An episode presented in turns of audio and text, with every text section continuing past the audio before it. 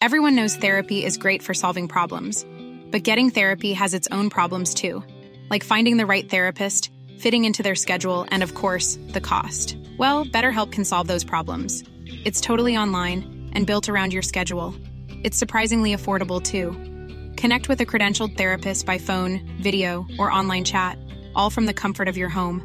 Visit betterhelp.com to learn more and save 10% on your first month. That's BetterHelp H E L P. Planning for your next trip? Elevate your travel style with Quince. Quince has all the jet setting essentials you'll want for your next getaway, like European linen, premium luggage options, buttery soft Italian leather bags, and so much more. And is all priced at 50 to 80% less than similar brands. Plus, Quince only works with factories that use safe and ethical manufacturing practices. Pack your bags with high-quality essentials you'll be wearing for vacations to come with Quince. Go to quince.com/pack for free shipping and 365-day returns. One size fits all seems like a good idea for clothes until you try them on. Same goes for healthcare. That's why United Healthcare offers flexible, budget-friendly coverage for medical, vision, dental, and more. Learn more at uh1.com.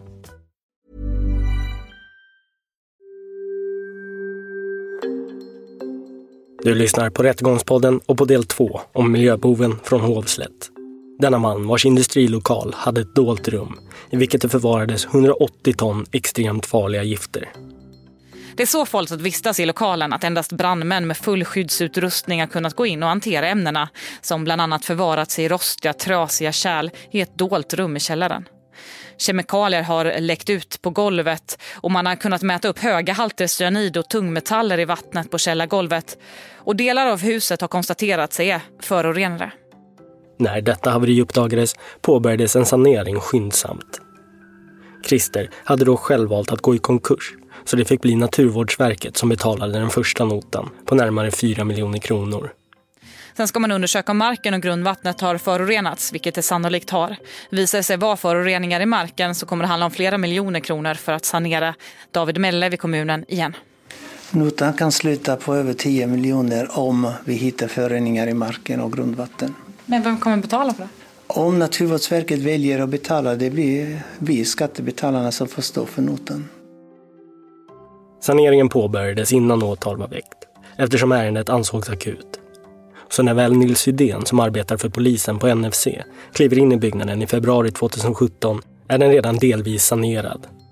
Trots det är skicket bland det värsta Nils sett. Som är i så dåligt skick, så nedgånget, så mycket rost, så mycket smuts, så mycket eh, fullständigt utan kontroll. Fullständigt utan kontroll. Nils Edén och hans kollega genomgick en mycket obehaglig upplevelse inne i byggnaden då de misstänkte att de fått fluorvätesyra över sig. Kollegan fördes akut till sjukhus, men det visade sig att de båda klarat sig oskadda från denna livsfarliga frätande syra. Men Nils är besviken över att det ens är möjligt att en industrilokal utgör faror av det här slaget. Normalt sett så ska ju sådana här ämnen, alltså det ska ju förvaras i, i, i prydliga, hela, rena eh, stålfat eller plastfat. Väl märkt. Tydliga märkar, märkningar med dödskallar och, och det ska inte finnas någon eh, eh, risk att om det läcker ut att det ska komma eh, ut i, i, genom någon golvbrunn. Det ska finnas socklar, utrymmet ska vara låst. Så nu var ju det här under tak, gubevars.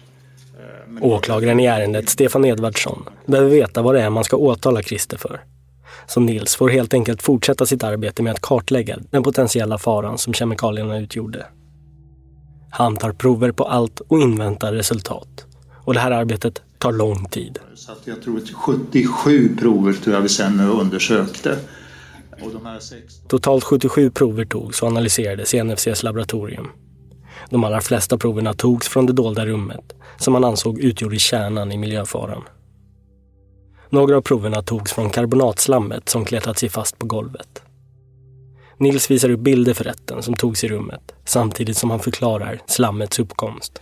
När, när den här reningen, det här karbonatslammet kommer ifrån en gammal, eh, får man väl nästan säga, 50-talsmetod som idag är, ja just det, där, där kan man se den här rampen ner och, och ut mot... Eh...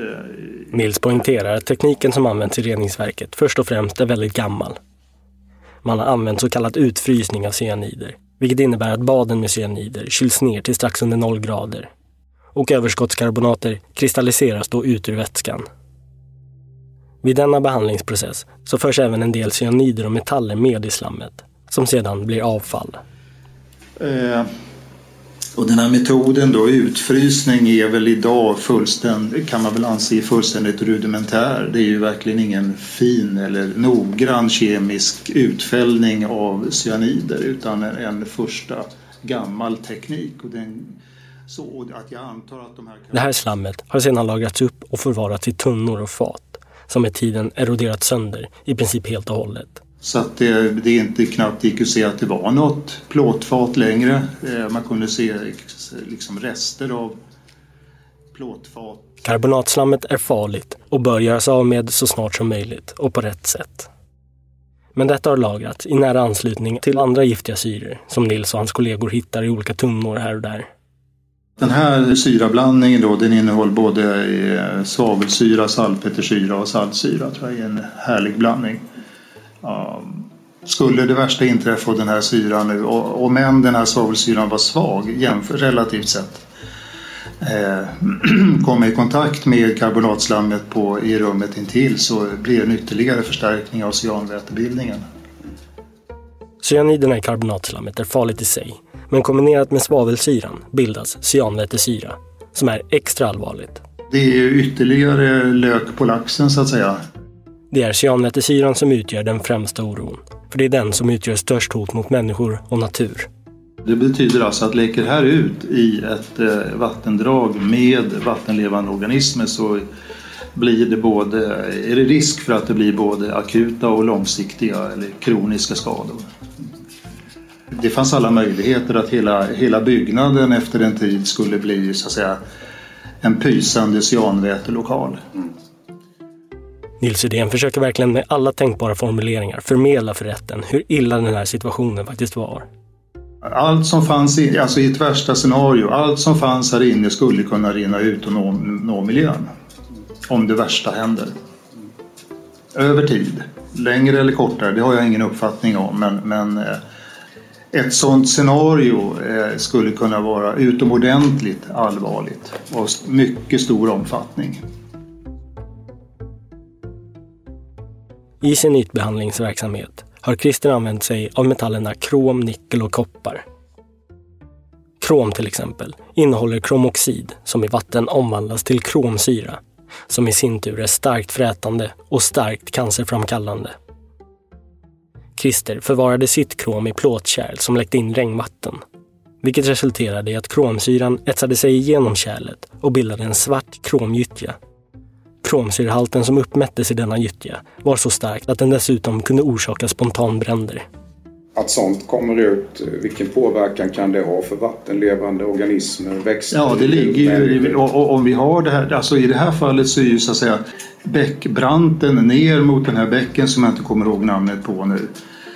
Eh, den är ju brant så du har en stark lutning här nere. Alltså det betyder alltså att om det här kommer ut i, eh, i marken så kommer vi ha en, en starkt förorenad tungmetallkropp som kommer ligga blöda i, i många, många år ner i vattendraget. De här metallerna är farliga för naturen om de inte hanteras på rätt sätt. Och eftersom metallerna är grundämnen så bryts de heller aldrig ner. Det enda som sker i miljön är att de omlagras och bildar olika typer av kemiska former av samma sak.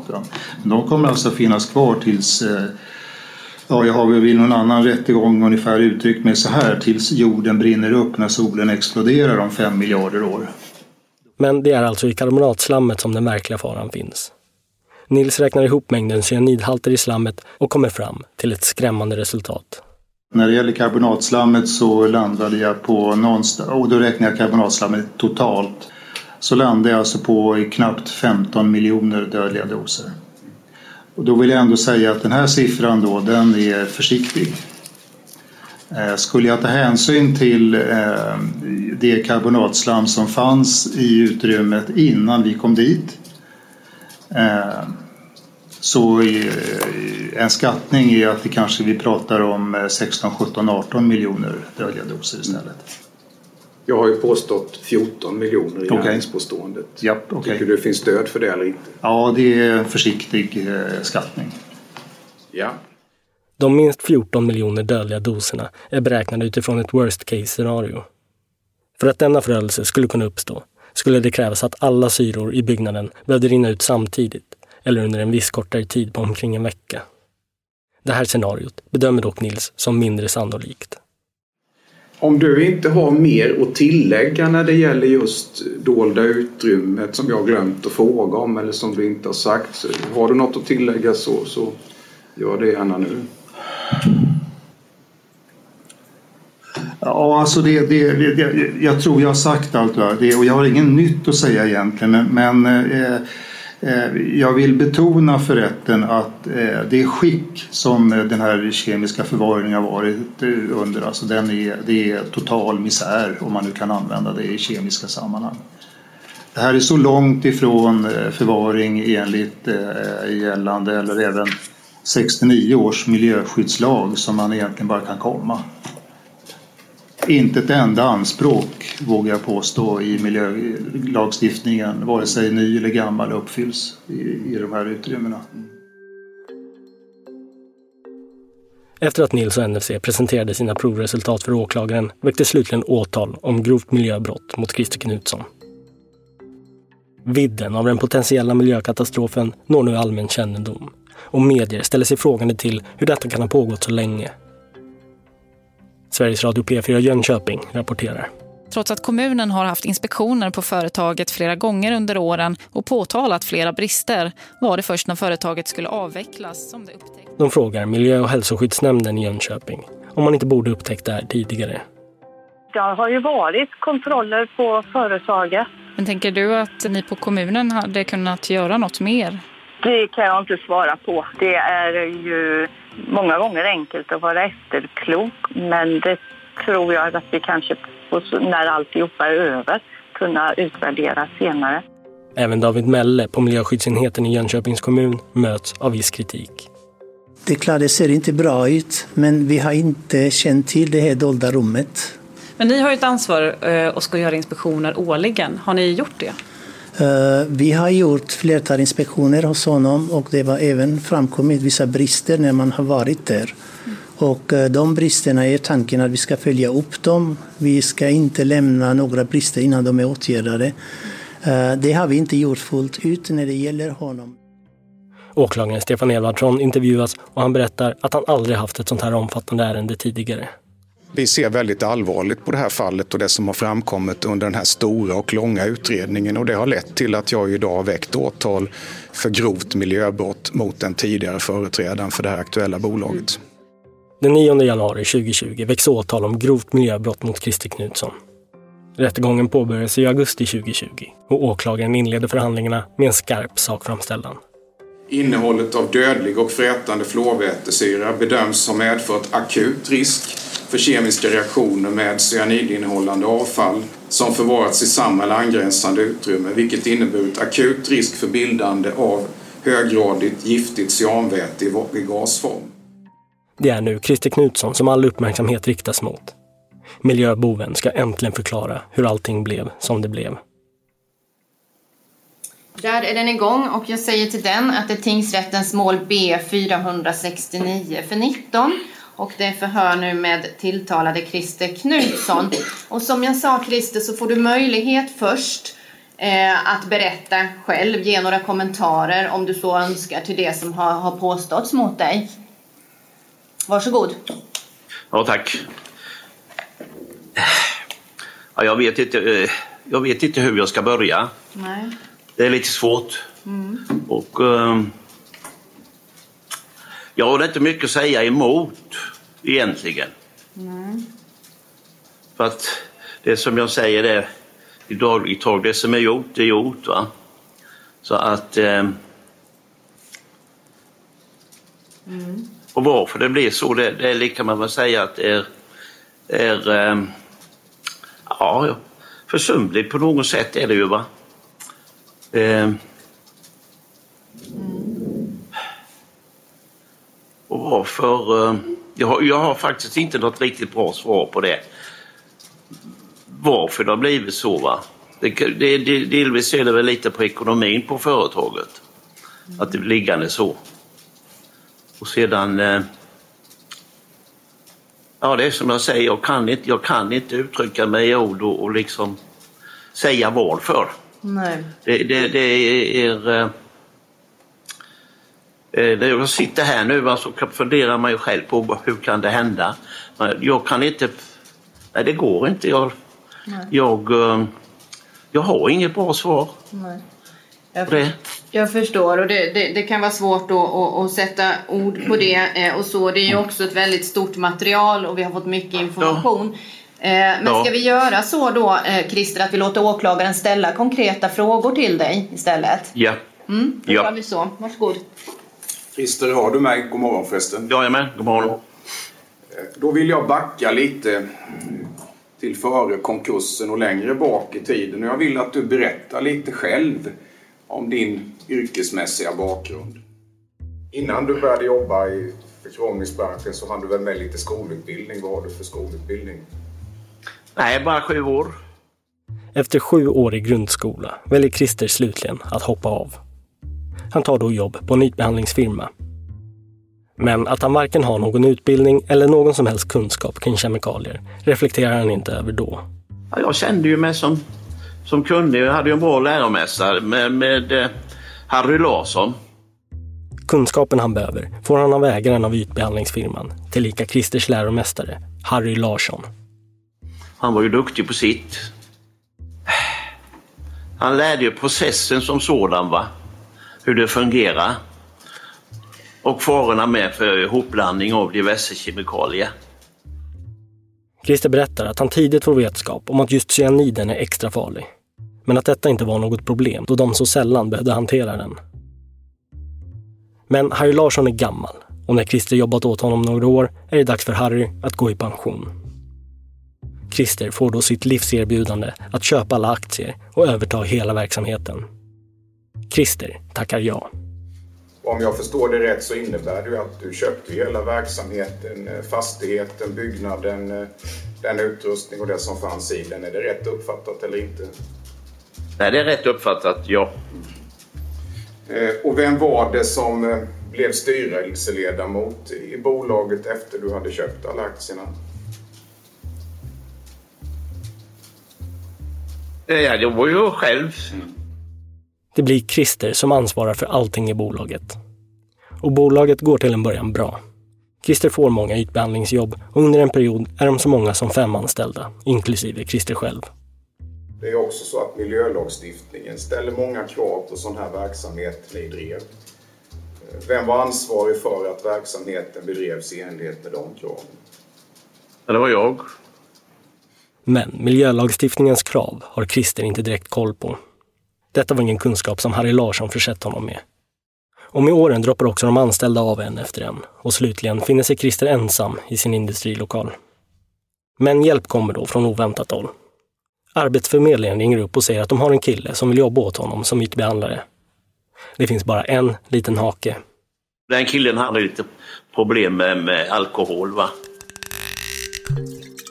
De ringde mig många gånger och frågade om jag kunde ta emot en sådan. Och det gjorde jag ju, för jag kände honom sedan tidigare. Christer römkar för killen och bestämmer sig för att ge honom en chans. Och snart ser Christer kvaliteter i honom.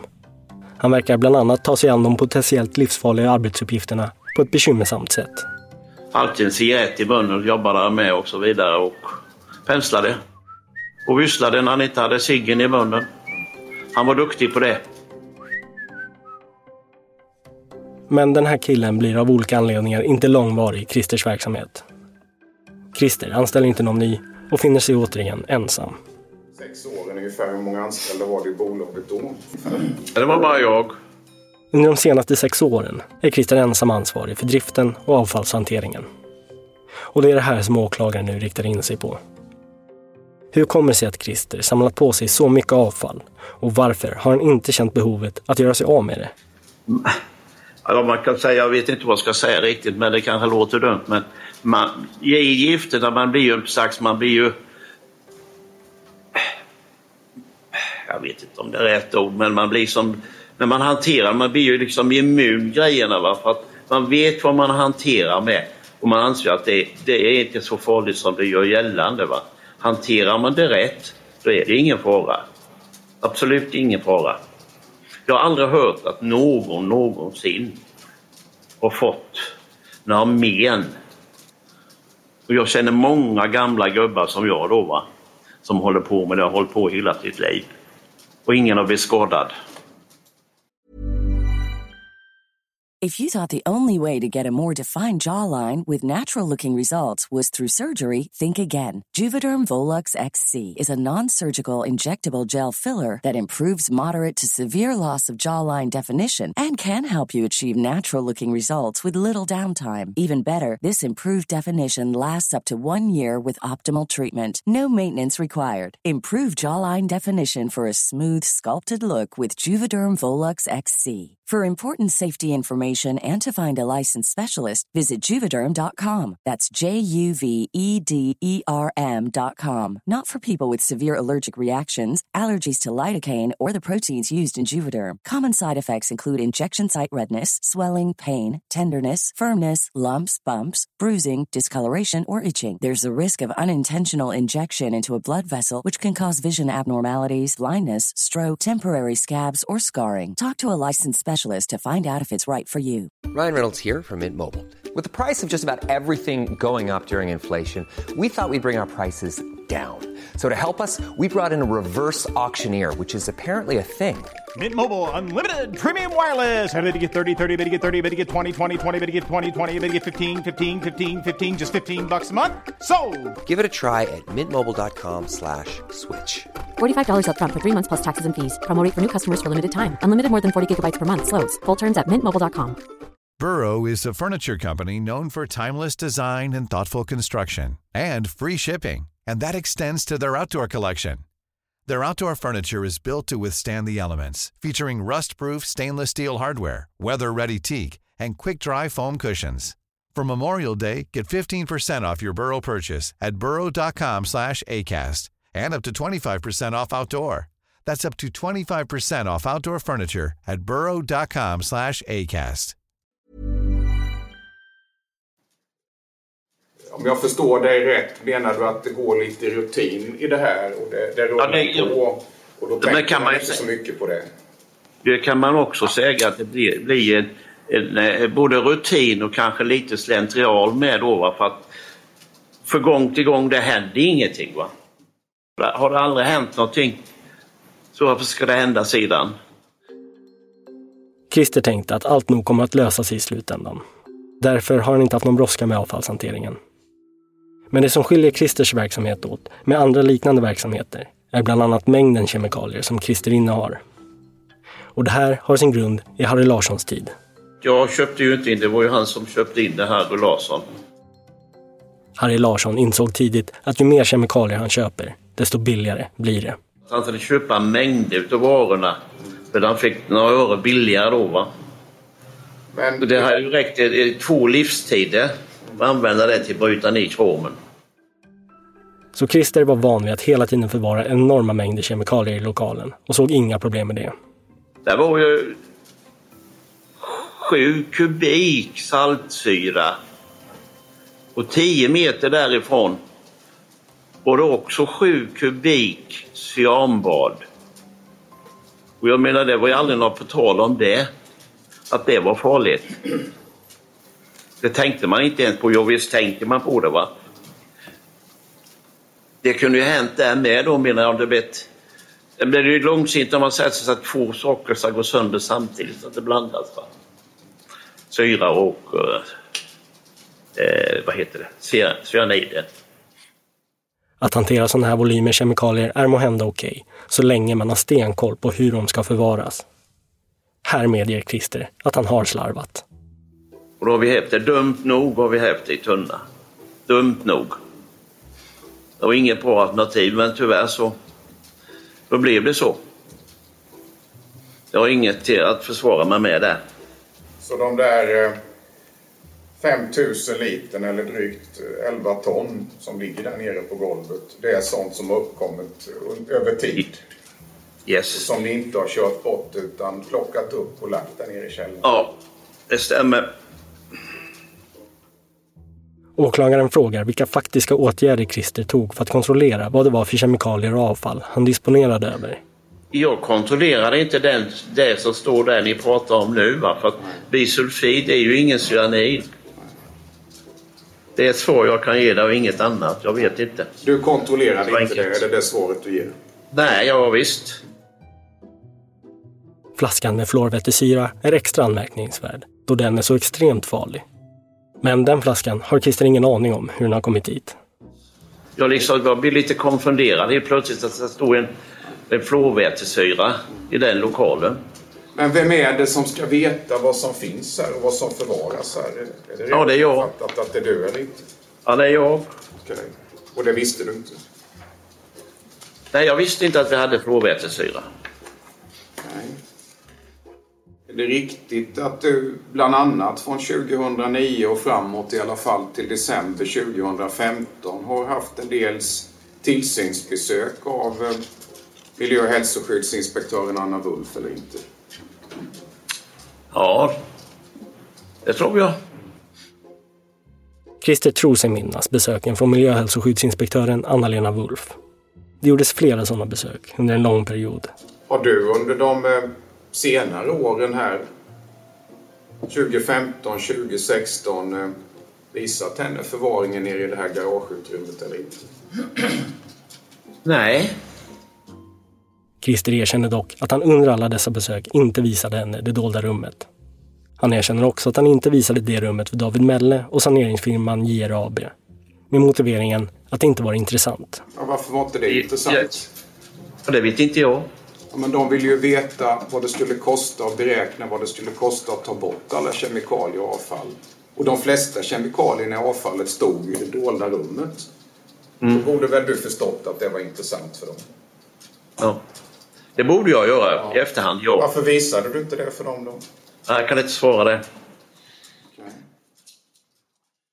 Åklagaren hävdar att Christer avsiktligen valt att inte visa upp just det här rummet och avsiktligen försökt dölja det genom att dels montera bort handtaget, se till att belysningen inte fungerade samt täcka dörren med tunnor och kärl.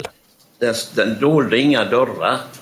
Men du vänta, låt, det- låt, låt honom svara klart bara. Den dolde inga dörrar. Vad sa du sen? Nej, det dolde inga dörrar.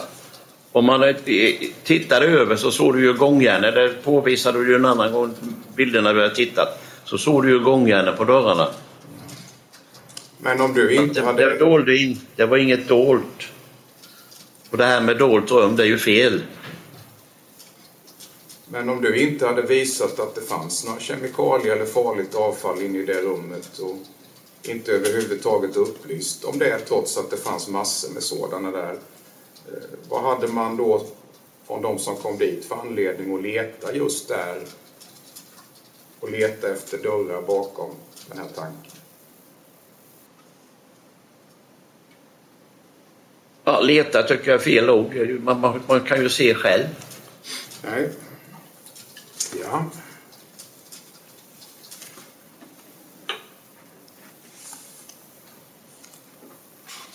Men du tycker inte det hade varit eh, viktigt mot bakgrund av att de skulle beräkna kostnader och planera en sanering och borttransport att eh, visa det här garagerummet? Jo, med facit i hand som jag sagt tidigare så kanske skulle jag gjort det. Det är mitt svar. Fast du berättade ju att du visste ju syftet med deras besök. Förlåt? Du berättade att du visste ju varför de var där. Då borde du väl förstått redan innan facit i hand. Ja, jag kan inte svara på det. Nej. Jag ska fråga så här. Har du avsiktligen eh, dolt eller gömt undan det här materialet i källaren eller inte? Nej. Avsaknaden av handtag, tror du det underlättade eller försvårade om inspektörerna skulle vilja titta vad som fanns i det rummet? Det var väl inget märkvärdigt då. Det var räckt med en skruvmejsel så det har brutit upp det.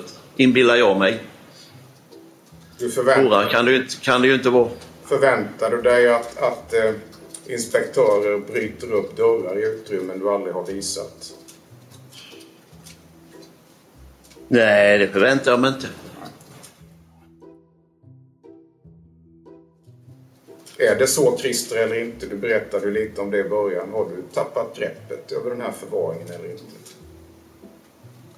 Det kan man väl säga delvis, ja. Och du har ju inte berättat om det här rummet trots att det allvarligaste fanns där. Då är min fråga, har du medvetet dolt det här för inspektörerna och JRAB med flera eller inte? Nej. Man kan säga så är det ju egendomligt också för att det rummet har ju alltid funnits där. Varför har de inte tittat på det tidigare? Saker och ting kan ha spårat ur, erkänner Christer. Men åklagaren tycker också att Christers kunskaper kring kemikalier och avfallshantering överlag är och har varit låga. Det här håller inte riktigt Christer med om dock. Vad har du gjort då för att säkerställa att bolaget och du själv hade tillräckliga kunskaper för att hantera och sköta det här med kemikalier och annat? Jag hade den kunskapen som det gällde drift och, och körsel och så vidare i, i verksamheten. Alltså det jag kan, det kan jag. Kemikalierna kommer i behållare som är tydligt märkta med bland annat symboler som visar på hur dödligt det är, samt hur det ska förvaras och inte förvaras. Naturvårdsverket skickar också ut råd och riktlinjer kring avfallshantering. Och åklagaren undrar varför Christer inte tagit del av denna information och följt råden. Nej, men det har jag ju svarat på tidigare, att det varit försumligt. Det var svaret. Och sen står det här att eh, Naturvårdsverket ger följande råd rörande lagring av farligt avfall. Farligt avfall bör lagras på tät invallad yta under tak. Farligt avfall bör lagras högst ett år på fastigheten. Hade du haft någon nytta av att veta om de här anvisningarna i din verksamhet eller inte? Ja, kanske det. Det är mitt svar. Och gjorde du något för att söka sån information eller inte? Nej. Tack. Mm. Vi ser, var åklagaren färdig med sina frågor där? Nej, Nej. det är inte åklagaren.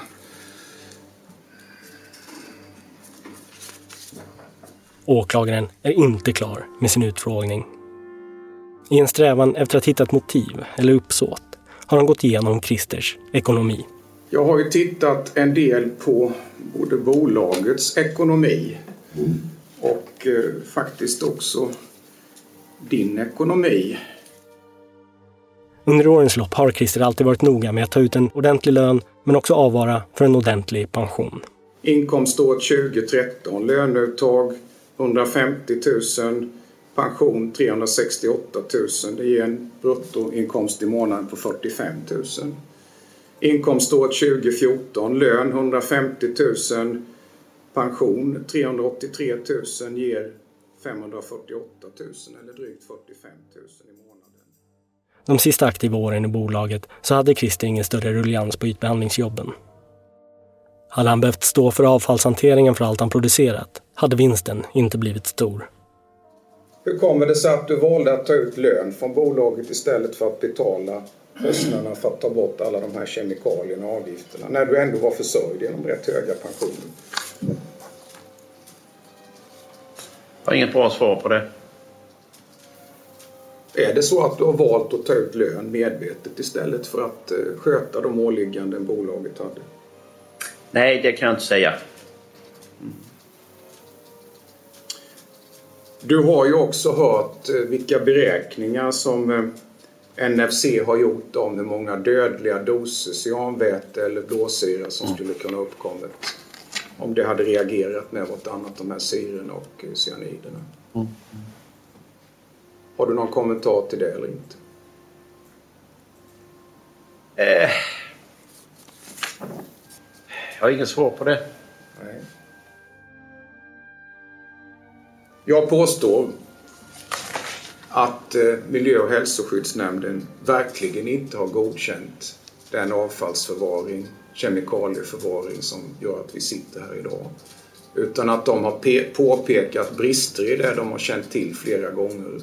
Och att de framförallt från och med november, eh, december, 7 december 2015 och fram till konkursen har tagit till de muskler de hade att ta till lagligt för att få bolaget att ta bort de här kemikalierna och miljöfarliga avfallet.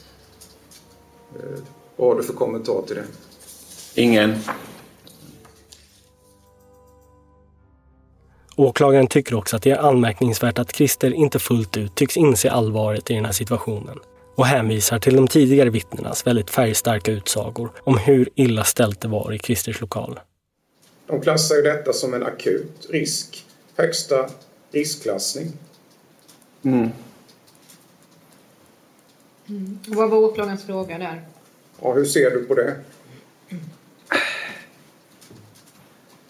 Nej, men vad ska jag säga? Vad ska jag säga? Jag har inget, inget svar. Nej, nej. Åklagaren driver linjen att Christer agerat uppsåtligt, medan Christer själv hävdar att han begått gärningarna med oaktsamhet. För att styrka sin linje lyfter åklagaren fram de tafatta försöken Christer ändå tycks ha gjort för att stävja skadan. Det finns en del dåligt täckande plast på en del högar, vid en del högar. Det står lite skivor och sånt ställt där. Vem har lagt dit plasten? Vem har ställt skivorna där? Ja, jag har ställt dem där, inte för att dölja i alla fall. Ja, varför har du ställt dem där? Nej, det ska inte ligga ute. Men det fanns väl massor med ytor i denna stora byggnad att ställa skivor på? Det var en lämplig plats. Jaha. Och det låg lite skivor på en del kar. Vem har lagt dem där? Och varför? Ja, det är längst in där ja. Men det, det har ju varit täckt, det vet jag att det var täckt. Varför? Ja, men jag har gjort det själv, täckt det. Okej. Det som stod längst in. Varför? Ja, för att det inte ska trilla in något. Det är inte så att du har eh, varit medveten om hur farliga saker du har förvarat här och ändå försökt begränsa risken med att ställa saker för er? I så fall tycker jag du ska tala om det. Nej, jag har inte gjort så i den tanken. Jag har inget, jag har inget bra svar på det heller. Att erkänna till att han vidtagit försiktighetsåtgärder, vilket vore en bra sak, skulle dock också innebära att han då också var medveten om sin bristande hantering. Och då skulle han inte kunna hävda oaktsamhet. Så Christer sitter i en knivig sits. Men Christer, det. det, har ju, Ja. det har ju uppkommit under lång tid. Du har ju haft lång tid att tänka. Du har faktiskt haft lång tid att se till att det där togs bort därifrån. Varför har du inte gjort det? Nej, men jag säger som jag sa tidigare, jag kan inte ge ett bra svar på det. Och vad var det som kunde hända om man förvarade syror och cyanid på det där sättet som du faktiskt har gjort? Vad Ja, det kunde? Det kunde bli cyanväte.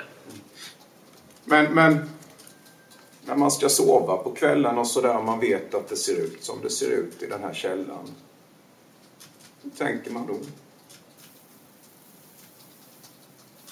Ja, men det är som jag sa tidigare, det blir ju en, en, eh, man blir en vana, det blir ju en slentrian med det för man har... Ja, det blir slentrian. Det har aldrig hänt någonting och inte ska det hända sen heller.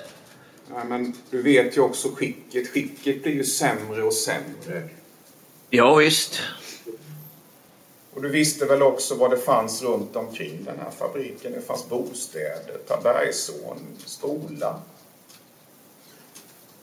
Tänkte du på det? Ja, men det är ju som jag sagt vid tidigare förhör. Alltså, jag ansåg och tänkte kanske bli, vet jag inte, men det var inom fyra väggar i alla fall. För att det ska läckas ut då måste det bli någon som springer där och duschar med, med, eh, med någon slags syra på allt det här som ligger där då för det ska bli denna katastrof. Ja, men det är ju så här Christer att du visste ju att det hade läckt in i det där utrymmet tidigare. Du visste att dörrarna var otäta. Det är faktiskt så här att, att eh, cyanid är bland annat lösligt i vatten delvis. Va? Mm. Och du hade syre där inne i gamla dunkar. Tänkte du inte på risken? Nej, ärligt talat så eh, hade jag inte de tankarna. I det formatet som ni berättar här då har gjort de här dagarna. Jag tror ordföranden att jag kan skippa en del av mina frågor. Jag stannar där. Mm. En dryg månad efter att tingsrättsförhandlingen avslutades föll tingsrättens dom. Och det är en lång och omfattande dom. Tingsrätten skriver att förvaringen av Christers kemikalier och avfall skett på ett mycket bristfälligt och okontrollerat sätt. Förvaringen har också skett på ett sådant sätt som kan medföra förorening som är skadlig för bland annat människors hälsa i en omfattning som inte har ringa betydelse. Tingsrätten köper inte Christers resonemang om att han agerat oaktsamt, utan skriver att hanteringen inte kan uppfattas på annat sätt än att han varit väl medveten om hur farligt avfallet och kemikalierna varit och hur extremt bristfällig förvaringen varit. Christer Knutsson har därmed haft uppsåt till gärningarna, skriver tingsrätten. Vid en samlad bedömning finner tingsrätten att brottslighetens straffvärde motsvarar fängelse i två år och sex månader. Men med tanke på att Christer är 77 år gammal så resonerar tingsrätten också över att ett sådant långt fängelsestraff skulle drabba honom oskäligt hårt. Tingsrätten sänker därför straffet till fängelse i ett år och sex månader. Industrilokalen i Hovslätt revs ner till grunden. Kontroller i marken och i grundvatten utfördes under en lång period. Lyckligtvis var de halterna cyanidföroreningar man fann i Tabergsån mycket låga. Och någon risk för allvarlig skada förelåg därför inte. Tur det, anser grannar till lokalen, som Sveriges Radio P4 Jönköping träffade. Ja, vi har ju levt i okunskap om detta. Vi har inte vetat hur illa det har varit. I 40 år har de bott där, Kristina och Rickard Prahl, bara några hundra meter från den industribyggnad där mängder av dödliga kemikalier hittades.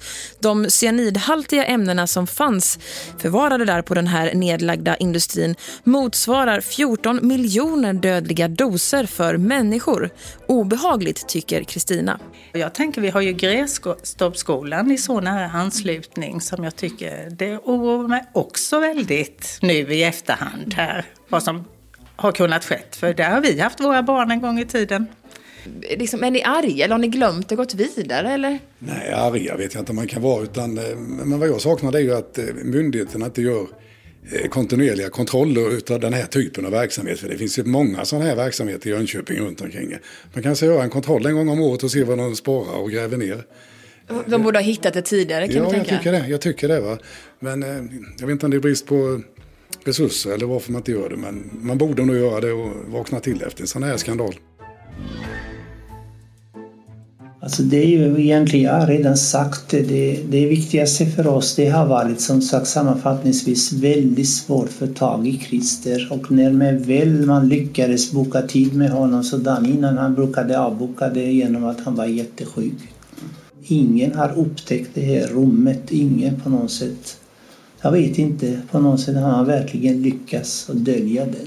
Och sen tycker jag också att han har haft världens möjlighet i två tillfällen. Han kunde ha visat det här rummet till oss. Och det valde han inte göra. Du har lyssnat på Rättegångspodden om miljöboven från Hovslätt. Ansvarig utgivare är Jonas Häger. Mitt namn är Nils Bergman. Tack för att ni har lyssnat.